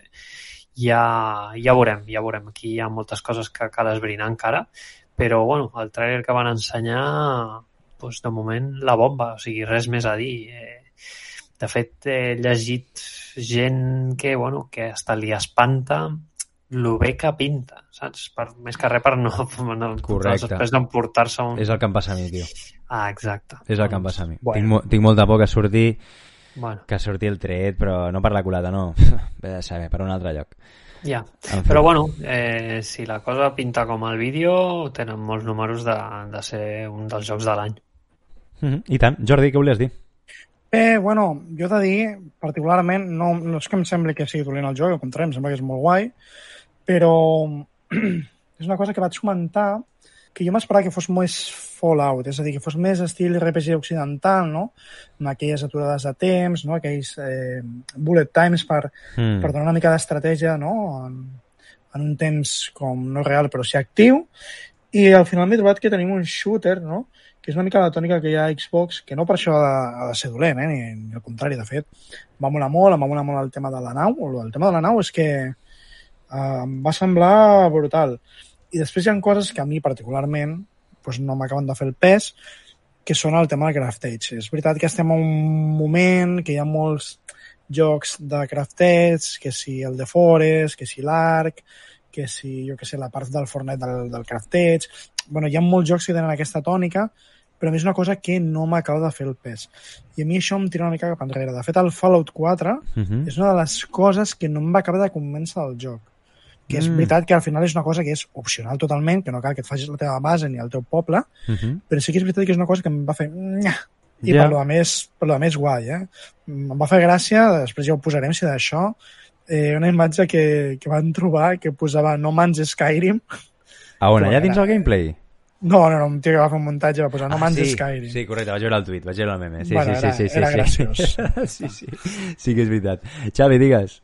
Ah, no, amb això de que diu el Jordi que estic molt d'acord amb el tema del crafteig perquè s'ha de veure quin pes té el joc perquè pot acabar ratllant molt. És a dir, si, si resulta que tinc que parlar amb tothom, fer negocis, fer missions i a sobre tinc que estar replegant pedretes, ostres, aquest joc pot durar mil hores, tio, saps? I tampoc és, Ja... és plan d'això. Jo el que vaig veure, a, a mi em va agradar molt. O sigui, allà, que, el tema espacial i tot això, pues ja, ja m'atreu, o sigui, a mi em va agradar molt. Però vaig veure un projecte tan titànic Mm. però tant, o sigui, volen fer tantes coses Sí. que, que, que va acabar el tràiler i dic una merda surt el 23. O sigui... També, primer- també, també és possible. O sigui, el, també pri- és el primer que vaig, que vaig pensar va ser això no surt el 23. O sigui, és que això, això un altre retras mínim. Mm. I si surt el 23, ja et dic jo que jo no, jo no el jugo fins, fins passat un any, perquè ja sabem com és Bethesda. Ja ho sabem, o sigui, no... no És que és vale, no, això. no, no, clar, o sigui, no sortirà bé aquest joc. Si surt el 23, pel que vam veure, aquest projecte que, que és immens, eh, espera't un any a jugar-lo. Ja t'ho dic jo ara, ja us ho dic a, a tots els oients. O sigui, espereu un any a jugar-lo bé, bé.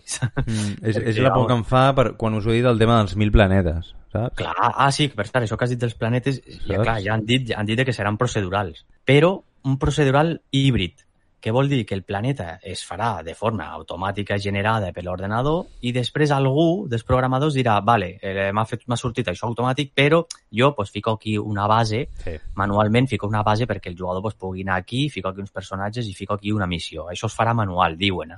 Vale, vale, vale, vale. Eh, doncs res, eh, aquesta és la meva, la nostra opinió de, de Starfield i passaríem directament a, al tercer joc de la llista de Machirito Army, el senyor Carlos.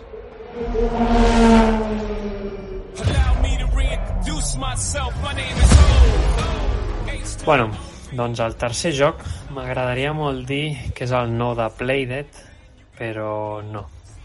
No, no hi ha notícies, continuem sense notícies d'aquest joc. Si fos aquest joc seria el primer, segurament, de la llista d'avui. Però eh, el tercer joc se'n va cap a Forza Motorsport. Ara, ara. Sí, senyors, un nou Forza. En, en aquest sentit ens anem al tema de simulació. Sembla ser que serà la nova competència de Gran Turismo 7. És un joc que ja van ensenyar un logo, si no m'equivoco, fa mm, dos anys o... Un logo, dius? Sí, el logo, Forza Motorsport. I una Ah, cinemàtica escolta. petita. Sí, Un sí, any, crec, no? Fa? Jo diria dos. Mm. Jo diria dos perquè l'E3 passat crec que ni el van mencionar. Ah, vale, vale, ok, ok. Van fer, sí, perquè van fer un tràiler explicant coses de Hellblade 2 l'any passat, però no van mencionar el, el Motorsport i van anunciar l'Horizon 5. Llavors, eh, fa dos anys que van ensenyar el logo, eh, tenim un, un nou exponent a, a joc de conducció de 2023 eh, pel que fa sobretot a simulació. Eh, el, gràficament no cal dir massa cosa, solen ser tot el que fa eh, Turn 10 és espectacular. Bueno, van ensenyar un tràiler gameplay on sobretot feien molt zoom en tots els elements ambientals que pinta, bueno, com deia, eh, Tartan és eh, a nivell gràfic molt bo perquè el Motorsport 7 si no l'heu jugat a dia d'avui a 2022 és un joc que sembla de nova generació pràcticament, pel, sobretot pels aspectes gràfics fins i tot hi ha, hi ha vídeos que el comparen amb Gran Turismo 7 amb molts elements i, i està a l'alçada, evidentment no amb molts altres perquè és un joc que bueno, ja, ja té els seus anys, però bueno, eh, amb això vull dir que gràficament serà un joc que sorprendrà molt. Van fer una miqueta de zoom, sobretot amb el tema del, dels rius, com, com, com funciona el clima, eh, en temps real, tots els elements que hi ha al voltant dels, dels circuits, eh, el ray tracing, com funciona, sistema de col·lisions... bueno, eh, coses que ja l'Horizon 5 ja funcionen espectacularment bé i ara sembla que ho porten al terreny de la simulació. No?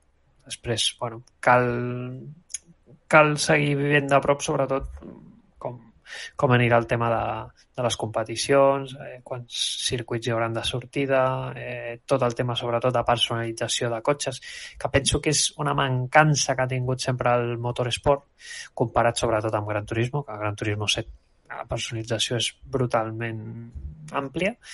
A Motorsport, bueno, hi ha molta, pots tocar molt els cotxes, però bueno, ja sobretot a nivell estètic de moltes coses bueno, no és tan àmplia com Gran Turismo 7 i jo espero que aquest motorsport sí que, que li fotin un push molt gran en aquest sentit. Mm. El que vaig veure és que van, van voler treure pit de lo que eh, per ells és el més important, o el més important, no? un dels trets diferencials de d'aquesta IP, no? que és el tema gràfic, l'aspecte gràfic. Jo també vaig poder veure sobretot el, el gameplay que van fer després de, no sé quants minuts durava, 10 minuts o 8 minuts, no, no recordo ara, i, i realment em va, em va impressionar, em va impressionar i, i hòstia, mm, un nou cotxe, un nou joc de cotxes al mercat sempre, sempre està, està d'allò més bé. Eh, Xavi Jordi, volíeu dir alguna cosa? Sí, bueno, no, comentar només la, la clatellada que li van fer, que li van donar a, a Gran Turismo, no? Perquè sí, el vídeo que van Bueno, perquè el vídeo que van presentar, si, si, si us fixeu, no? Sí, els eh, cops. Exacte, dona, dona molt, molt èmfasi no, al tema de, del quan, quan hi ha un... Bueno, xoca el cotxe no, i s'apropa la càmera et diu que aquí hi haurà col·lisió, no sé què. I després quan surt de l'escenari, no, la càmera, i, i et mostra el paisatge, no? Volent dir, aquí, fora de la pista, eh, també veuràs una bona recreació i gràficament, no? O sigui... Bueno, jo, jo crec que van voler fer, com he dit abans, no? El, van voler treure múscul d'allò que diferenciant-se de la competència, no? Que això està bé i tots el, el, algun, algun cop ho fem, no? I el ray tracing també, que destaque pues, això, no? el ray tracing en carrera, no, no a les repeticions, sinó en carrera. No? Vull mm. dir, vull dir, la, la hòstia va ser bona, vull dir, eh, allà a les oficines de Polyphony Digital, hòstia, devia, ja. devia sonar fort, devia sonar fort. Sí, bueno, i ha de ser, no? El tema de les competències, al final has de, has de tenir tu una, un, un full de ruta per no, diferenciar-te d'ella, de no? I, I jo crec que van, tirar, van voler tirar per aquí sí més no, no? En fi, eh, passem eh, directament. Eh, Xavi, tu mateix, tercer sí. joc de la llista. You goons listen, and you listen good. I don't give a flying fuck flip about the marketing reports. We are losing consumer attention. They are bored to shit We've done everything we can on that front. The hell you have, Zane. The hell Bueno, aquí he fet una mica de trampes, ja us ho dic ara, val? Però era ràpid, era ràpid. És, Eh? Sí, sí, sí, ja ho sé, ja ho sé, ja ho sé, però no podia escollir un, tio. Eh, és simplement destacar tot el que va presentar, que són quatre jocs, eh, la conferència de Devolver Digital. Com sempre, aquesta gent està en un altre nivell. Per mi, eh, estan salvant, salven la indústria només parlant d'originalitat i de risc que, que fan eh, amb els seus jocs uh -huh. i només per això no em podia quedar amunt o sigui, van presentar quatre jocs que per fer-ho van fer un altre cop una conferència d'aquestes pues, amb molt cachondeo que fins i tot van portar a Suda 51 per fer tot el cachondeo o sigui, no, només va servir per portar-lo i, i fer allí quatre bromes i ja està saps? Eh, jocs que van presentar, bé, molt ràpid. Eh, Skate Story, val? Eh, Story aquest eh, vindria a ser com un Sayonara Wilhertz, que ja va sortir ja fa un parell d'anys o tres, més o menys, vale? però amb monopatí. Val? És a dir, que això és música, eh, me- fent filigranes a- amb el ritme de la música, per exemple. Eh, aquest surt a totes les plataformes i sortirà el 2023. Uh -huh. Després van presentar el Anger, eh, Anger Foot, que és un shooter frenètic, eh, molt de l'estil d'aquell de... Hotline Miami. Eh, exacte, val, és que ara no em venia, exacte, exacte, ara ho has dit. Eh, de moment sembla que només en PC aquest, val? Després eh, el Cult of the Lamb, que és la típica raresa que et treu de Volver, que primer no li fas cas, però el dia que el proves una demo o el compres, t'enganxes 80 hores, doncs aquest seria l'exemple, val? Encara no sé de què va, si ti- mireu el tràiler, no, no, no saps per on va el, el tema, saps? Però dius, hòstia, això ho tinc que jugar perquè no sé, veus uns detalls allí i tal i qual que dius, mira, el provaré, saps? I, bueno, aquest surt l'11 d'agost i aquest serà multi, val? Però el pepino és el, el que es va presentar, que és el de Plucky Squire, que és la llum davant de tanta morralla que va sortir al Summer. Doncs és, és, és aquest. O sigui, mireu el trailer perquè és, és que és un... Bueno, és fantàstic. És un joc amb 2D jugat a un llibre Val? Ell, ell t'ensenya el, el marge, no? els bordes de, de la pantalla és un llibre i tu estàs jugant dins del llibre, amb 2D, val? però hi ha, hi ha moments en què es converteix en 3D i estàs jugant fora del llibre. Uh -huh. Vull dir, és, és espectacular. El tràiler et vol el cap, val? Què passa? Que aquest, bueno, pues aquest és el que surt al 2023. Totes les plataformes, val? però 2023, val? Però apunteu-vos aquest nom perquè aquest és que és exquisit. I això va ser Devolver, o sigui, una meravella. Uh -huh. eh, molt bé, Xavi. A nivell de, re de reflexió, jo diria que l'altre dia, per exemple, vam estar parlant amb, en, el, en el Telegram de, del podcast i precisament doncs, dèiem això, no? que qui realment sembla que estigui tirant de, de com es diu, de d'innovació a la indústria no? i que l'estigui tirant endavant són els, són els indis no? Exacte. i, i perquè es veu, es, sobretot ho, de- ho deia el Rockstar que es, es nota molt com, com que tot sona molt igual no? I, i amb això teniu, teniu tota la raó i amb demostracions com aquestes per exemple de Devolver doncs es veu realment la diferència i poder les ganes no? no sé si són ganes o, o talent poder clar, és que Mm, no ho sé, sí. jo no, sé, no li sabria dir tio. no sé, no sé què penseu de, sobre això tio Bueno, sí, està clar, no? Els estudis indis, doncs, a nivell de creativitat i al final són projectes que no comporten primerament tant de pressupost ni tant de temps, sobretot el temps, no? Llavors, això penso que dona més llibertat a, a, a innovar una miqueta més, no? O presentar propostes més arriscades, perquè al final no és un pressupost milionari que t'estàs jugant, saps? Sinó és una idea que tens moltes vegades entre uns pocs i, i per molt esbojarrada que sigui, doncs, la pots tirar endavant amb, amb, amb molt pocs recursos i penso que aquí està la clau dels indis. Sí, sí, totalment d'acord amb això, sobretot el que has dit de, que no, o sigui, no tenen la, la pressió aquesta de, de, de funcionar sí o sí a nivell, a nivell de mercat, no? A nivell de, tri, de triomfar, no? Exacte, que has de treure una cosa que sí o sí vengui mogollon i has d'anar a tiro fijo i tal, no, no tenen aquesta pressió. Sí, sí, i tant. Eh, perfecte, passaríem doncs al Rockstar. Jordi, el teu tercer de la llista.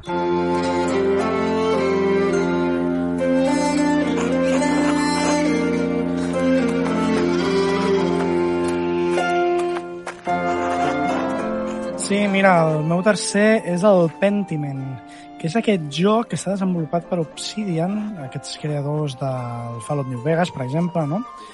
que es desenvolupa el videojoc en el segle XVI, on hi ha un artista que està fent una pintura i quan està fent la pintura es troba una època així com, com d'agitació, no? I comencen a haver-hi doncs, assassinats.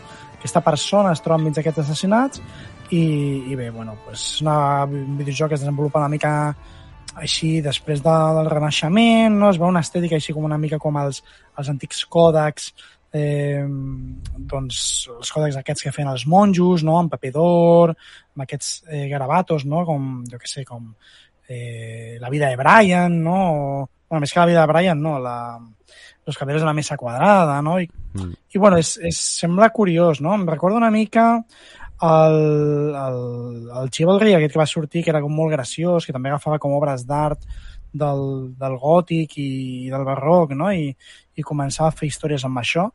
Doncs em recorda molt aquest estil i sembla que tindrà un, un, un caire una mica una mica de comèdia, no? El que passa és que em sembla recordar que no s'havia explicat el, el dia que sortiria, però es comentava que sortiria per PC i per Xbox Series. No havien donat data de naixement. Ai, no s'havia anunciat que sortís per Xbox One. Vale. Eh, sí, eh, és un joc que jo li tinc bastantes, bastantes ganes per lo que vaig veure. Després és com, no?, quan surt i poder té unes, eh, unes eh, valoracions eh, pobres i poder després no li faig cas. Però, hòstia, només per la, el tema estètic ja m'agrada. El tema de narratiu també m'agrada el transcurs de, del temps on, on es situa. I el tema aquest també poder de, de, co- com, de, com de comèdia, no?, has dit, Jordi? Mm -hmm. Ja veus, també, també em tira, em tira força. Em tira força. La veritat és que, la veritat és que sí. You. What have you done?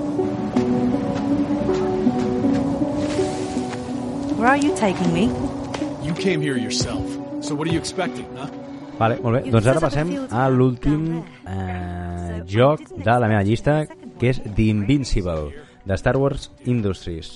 Eh, va sortir al PC Gaming Show, eh, que per cert, eh, quasi se'm, quasi me'l perdo, sort del, del Rockstar, que va penjar precisament el tràiler que havia sortit d'aquest The, The, The Invincible, ho diré demà, en el, en el Telegram del, de l'univers, i dic, hòstia, vaig a mirar-ho, pam, i ja feia temps que li seguia la, la, la pista en aquest joc eh?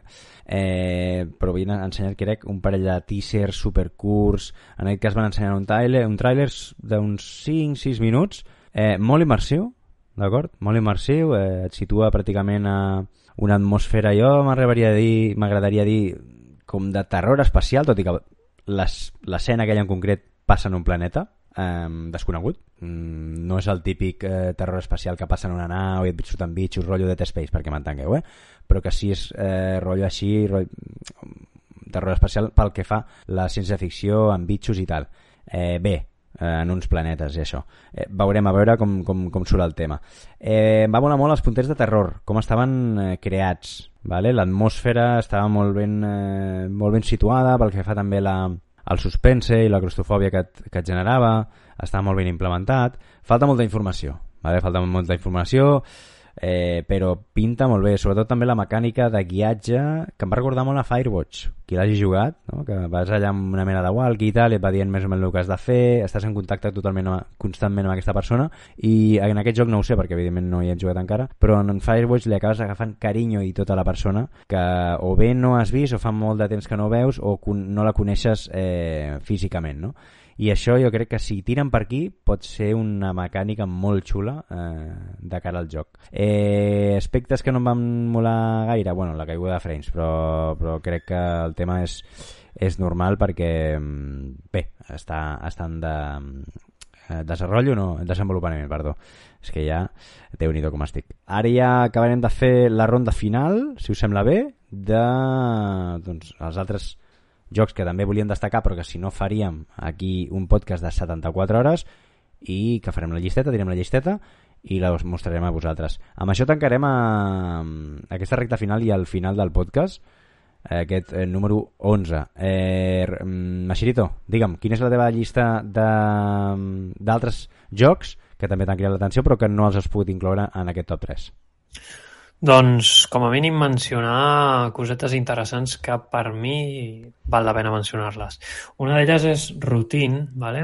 que és un thriller de ciència-ficció que va sortir a la conferència del Geoff.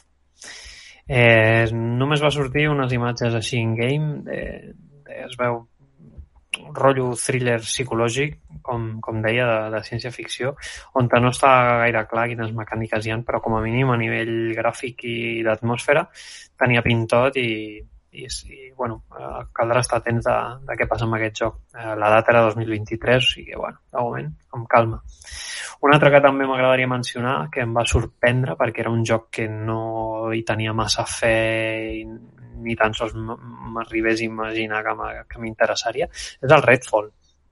Redfall van ensenyar un gameplay a la conferència de Microsoft.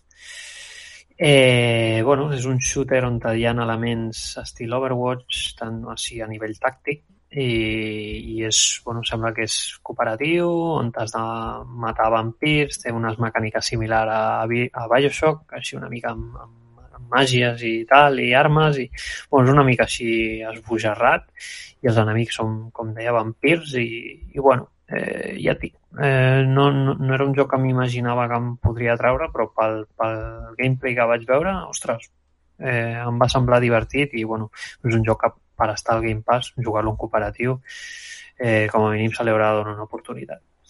Un altre joc que no s'ha mencionat, que torna al rei de, de la lluita en 2D, és Street Fighter 6. Veurem què tal. Espero que no surti tan pelat de, de contingut com el 5, com a mínim. Suposo que haurà, cap com haurà pres la lliçó. Eh, he seguit gent que juga molt als jocs de lluita i estan amb la beta fotent-li molta canya i sembla que les primeres impressions són molt, molt bones, molt positives. Mm, bueno, bueno. Llavors, bueno, és un, un joc més que bueno, a mi que m'agraden els jocs de lluita segurament el Uf. jugui tard o d'hora. I tant. Un altre joc que cal destacar molt que ve de la mà d'Anapurna és Cocoon. Ep. Eh, Ep. sí, aquest, és un, pla- és un aquest- plataformes... Sí, Sí sí. sí. sí, sí, tenia molt, molt bona pinta. A més, penseu que un dels els dissenyadors jefe del gameplay d'aquest joc és de, va treballar a Insight i a Limbo. Hòstia, això no o sabia sigui jo. que, sí, sí, sí, ho he llegit, ho he llegit i, i cuidado, cuidado amb aquest que té pintot i, i a més el tenim al, al Game Pass. Un altre és com no Tortugues Ninja en Shredder's Revenge Home, que ja surt tenim aquí, aquí. i bueno, el dia 7 eh, tenim aquí a tocar i això, eh? Pels que tinguin Xbox i Game Pass el podran jugar Day One i, i els que no, bueno, surt a, és multiplataforma, o sigui que cap problema. Jugàs i cooperatiu de 6 persones, eh? Cuidado, eh? Cuidado, eh? Uf. Pots portar la rata i tot, eh? Atenció. El mestre Estallicó. I el això és- Bah, per mi, bàsic, aquest. I un altre, que també sembla que ha passat molt desapercebut, és Flintlock. Vale? És, també va sortir a la conferència de, de Microsoft i la, bueno, a mi em va recordar estèticament com una espècie de God of War, eh? salvant moltíssim les distàncies perquè crec que està, que és, està, és un indie, no? Bueno, això sembla, però bueno, surt una noia així en plan vikinga, bueno, amb estètica una miqueta així, eh, fotent cops de destral a, a mansalva i té molt, molt bona pinta, es veu molt bé, llueix molt, molt bé, molt bé. Eh, desconec si hi ha elements de rol o no, però bueno, arriba al Game Pass i penso que se li haurà de donar una oportunitat perquè té bona pinta. Eh, fins aquí els jocs que, que destaco jo de tota aquesta setmana de novetats entre tot el que hem parlat prèviament. Meravellós, vale. El següent seria el Xavi, la DH, digues. Sí, mira, yo tres eh, destaco. Eh, primer del, de la, del State of Play de PlayStation, dos, que serien primer l'Horizon per a VR2, Uh -huh. Que són les, les, bueno, les, les ulleres de realitat virtual, eh, perquè vaig veure unes mecàniques molt diferents al que hem vist. O sigui, les vaig veure unes mecàniques més a, més a prop de l'Àlix, Uh -huh. que de, dels jocs que ens tenen acostumats normalment eh, eh, per les VR normals, vale? vale? O sigui, el tema de que puguis eh, les armes, carregar-les, anar fent tu el, els nusos de, de les cordes, tot això, són coses que havíem vist només a, de moment a, a, a Half-Life Alyx. Sí, sí, sí. Val? Eh, després, mm, què més? Ah, sí, el, el joc del gatet, l'Stray, que surt el 19 de juliol. És una passada, és un joc curt, han dit que de 8 a 10 hores, però és amb un detall increïble. O sigui, el joc aquell, no ho sé, diuen que és indie, però... Pintaca, sí, sí, pintaca aquest. Clar, sembla un triple A, allò, no ho sí, entenc, sí, sí, saps? molt. és que és increïble. Uh, doncs això, aquest em, em, em, bueno, em va agradar molt.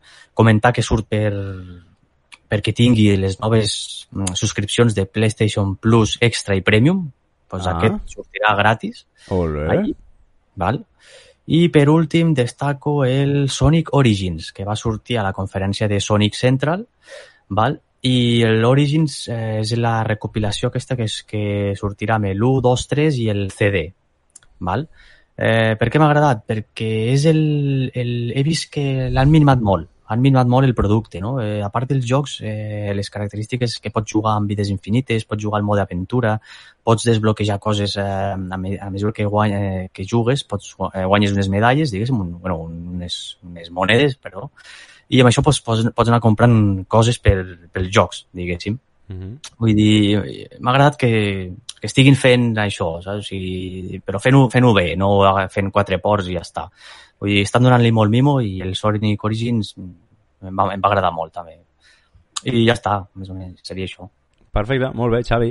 Uh, ara toquem al Rockstar. Rockstar. Bé, bueno, jo vull fer, vull comentar un parell de coses. Una és que ja tenim el DLC del Village, de Shadow of Rose, crec que és el més, el més interessant de, de, de les expansions de Village, que va sortir Mercenaris, i un vol en tercera persona, que és la història de la filla de, de l'Ethan, no? I després que s'ha anunciat també Resident Evil 4, es va anunciar el State of Play, van ser una mica més en el Capcom aquest, el directe de Capcom. Uh -huh. Eh, també s'ha comentat que es farà un especial, no me'n recordo quin dia era, de juny, que parlarien de Dragon's Dogma. I personalment, bueno, jo estic a l'espera de que Square Enix facin el Final Fantasy VII 25 aniversari, perquè segurament ensenyaran alguna cosa de la part 2 del remake, Uh -huh. i ja per finalitzar, bueno, volia parlar del Sonic Frontiers, que és la nova entrega de Sonic, Ara, ara. creada per al Sonic Team, eh, bueno, distribuïda per Sega, òbviament, i que, bueno, que ha rebut unes crítiques pues, una mica com el de Inlight 2, no? que és d'aquestes coses que acostumen a fer Mm. doncs, la premsa que em pareix responsable i també tots aquests eh, buscar raons, buscar bregues o aquesta gent que intenta enfonsar els jocs abans que surtin, no? És a dir, mm, bueno, és veritat que a priori el joc sembla molt buit, Sí, o sigui, no... Hòstia. És així. Pues, eh. Categòricament parlant, el joc està buit, És que... no hi ha res, hi han quatre enemics, el joc li falta, li falta caliu, jo crec, li falta amor, es nota que no acaba d'encaixar. La primera vegada que el vaig veure vaig dir, "Ui, això no acaba de quadrar molt, el Sonic amb aquest eh, ambient hiperrealista, no? Però bueno, se li ha de donar una oportunitat perquè al final, si no donem oportunitats als jocs, pues, el que acabarem tenint seran més shooters, més shooters, més shooters, més Battle Royals i, i, bueno, i jocs de crafteig. I jo crec que és el mal endèmic de la indústria i de la gent que opina per internet. Així que donem, una, un, bueno, donem motius perquè això segueixi existint i a veure si ho podem canviar d'una vegada per totes i no som així, sisplau. Clar que sí, clar que sí. Eh, vale, jo diré així ràpid, curta i al peu, vale? els meus tres també són tres, que volia destacar també i que no he inclòs en els meus top 3. Un és el Blacktail Requiem, la part 2 de, de Blacktail The Innocence, que, que l'estic jugant precisament ara, en PlayStation 5, i, i que em sembla... Res, tres, tres característiques que, que vaig veure. La, la Mícia porta ballesta, m'encanta. Eh, hi ha sigilo amb ganivet, sigil, perdó, amb ganivet i per l'esquena. Meravellós. I crec, crec, crec, crec, crec, crec que pots fer servir poders molt poderosos del nano. Molt fotuts, molt fotuts. I això em, em crida em crida molt l'atenció. L'altre és The Alters, vale? Eh, bé, va ensenyar en el PC Gaming Show un teaser trailer on eh, l'home s'aixecava i tal eh, d'un, no sé, pràcticament un, d'un somni d'aquests així interestel·lars eh, i es veia com l'havien eh, clonat amb mm, fins a 8 o 9 vegades diferents amb diferents personatges i que feien diferents coses. Una locura, em va patar el cap. Està en wishlist encara, vull dir que encara està en desenvolupament però mm, Marramiau, em va agradar bastant. I l'altre és, ja per acabar, Nivalis, eh, un joc en primera persona d'aspecte i estètica cyberpunk amb barrejat amb una mica... És una mica raro, eh? És una mica raro. És cyberpunk, sí, però és una mica raro. Ja, si teniu, eh, si teniu ara aquí la descripció, us posarem tots els trailers, eh, els enllaços dels trailers, eh, perquè els podeu veure un a un, d'acord? Per tant, ho tindreu, ho tindreu fàcil això com deia, és una estètica entre cyberpunk eh, pixel art i cel shading raro. Ja ho veureu, a mi em va agradar vale? eh, jo crec que se li pot treure si més no, anar-lo seguint anar-lo seguint la pista i, i això. Eh, ara sí, acabem el programa. Amics i amigues, companys i companyes moltes gràcies, abans de tot que m'ho deixo dir-vos les xarxes socials. No, abans no farem una cosa, abans despedirem els nostres eh, contertulians, sisplau eh, Xavi gràcies per venir avui aquí i no tornar a, a fallar com l'últim dia Esperem que no, però bueno, és la vida, saps? A la vida passen coses, no? Ja, ja, ja. ja. Eh, també tenim aquí el Mashirito. Eh, gràcies per estar avui aquí amb nosaltres, com sempre. Gràcies a vosaltres i sobretot a la gent que ens escolta. I al Rockstar també, Rockstar Maco. Eh, moltes gràcies per participar un dia més en el J8cast. No, gràcies a vosaltres i gràcies al Carlos per aguantar fins tant ara. Ara, ara, ara. Clar, que vosaltres no sabeu, però això s'està gravant, ara són pràcticament les... Són un quart d'una de, la, de la matinada, es podria dir matinada. Sí, ja no és nit, sí. és matinada, no? I tota I... aquesta gent em deu una cervesa. Sí, sí. Correcte, unes cerveses que per cert les paga la viatge. Eh? Per, ara, Home, ara. sí, perquè l'altre dia, escolta'm, no vas venir. Escolta'm, l'altre dia no vas venir. Bum. I aquí, qui no ve, paga penyora, tu. O paga penyora o paga birres, escolta'm. Sí que aneu forts. Anem molt forts, anem molt forts, ja ho saps. I, I res, ara sí, acabem. Recordar les xarxes. Eh, Twitter, Instagram, YouTube i Twitch, d'acord? Tots amb G8CO barra... Eh, no, univers barra baixa G8CO. És que jo també estic una mica, una mica per allà, una mica cansat, eh? Ara sí, companys, companyes, amics i amigues, moltes gràcies per consumir l'univers, moltes gràcies per consumir el G8cast. Ens veiem en el pròxim eh, podcast i programa. Que vagi molt bé. Ciao, ciao.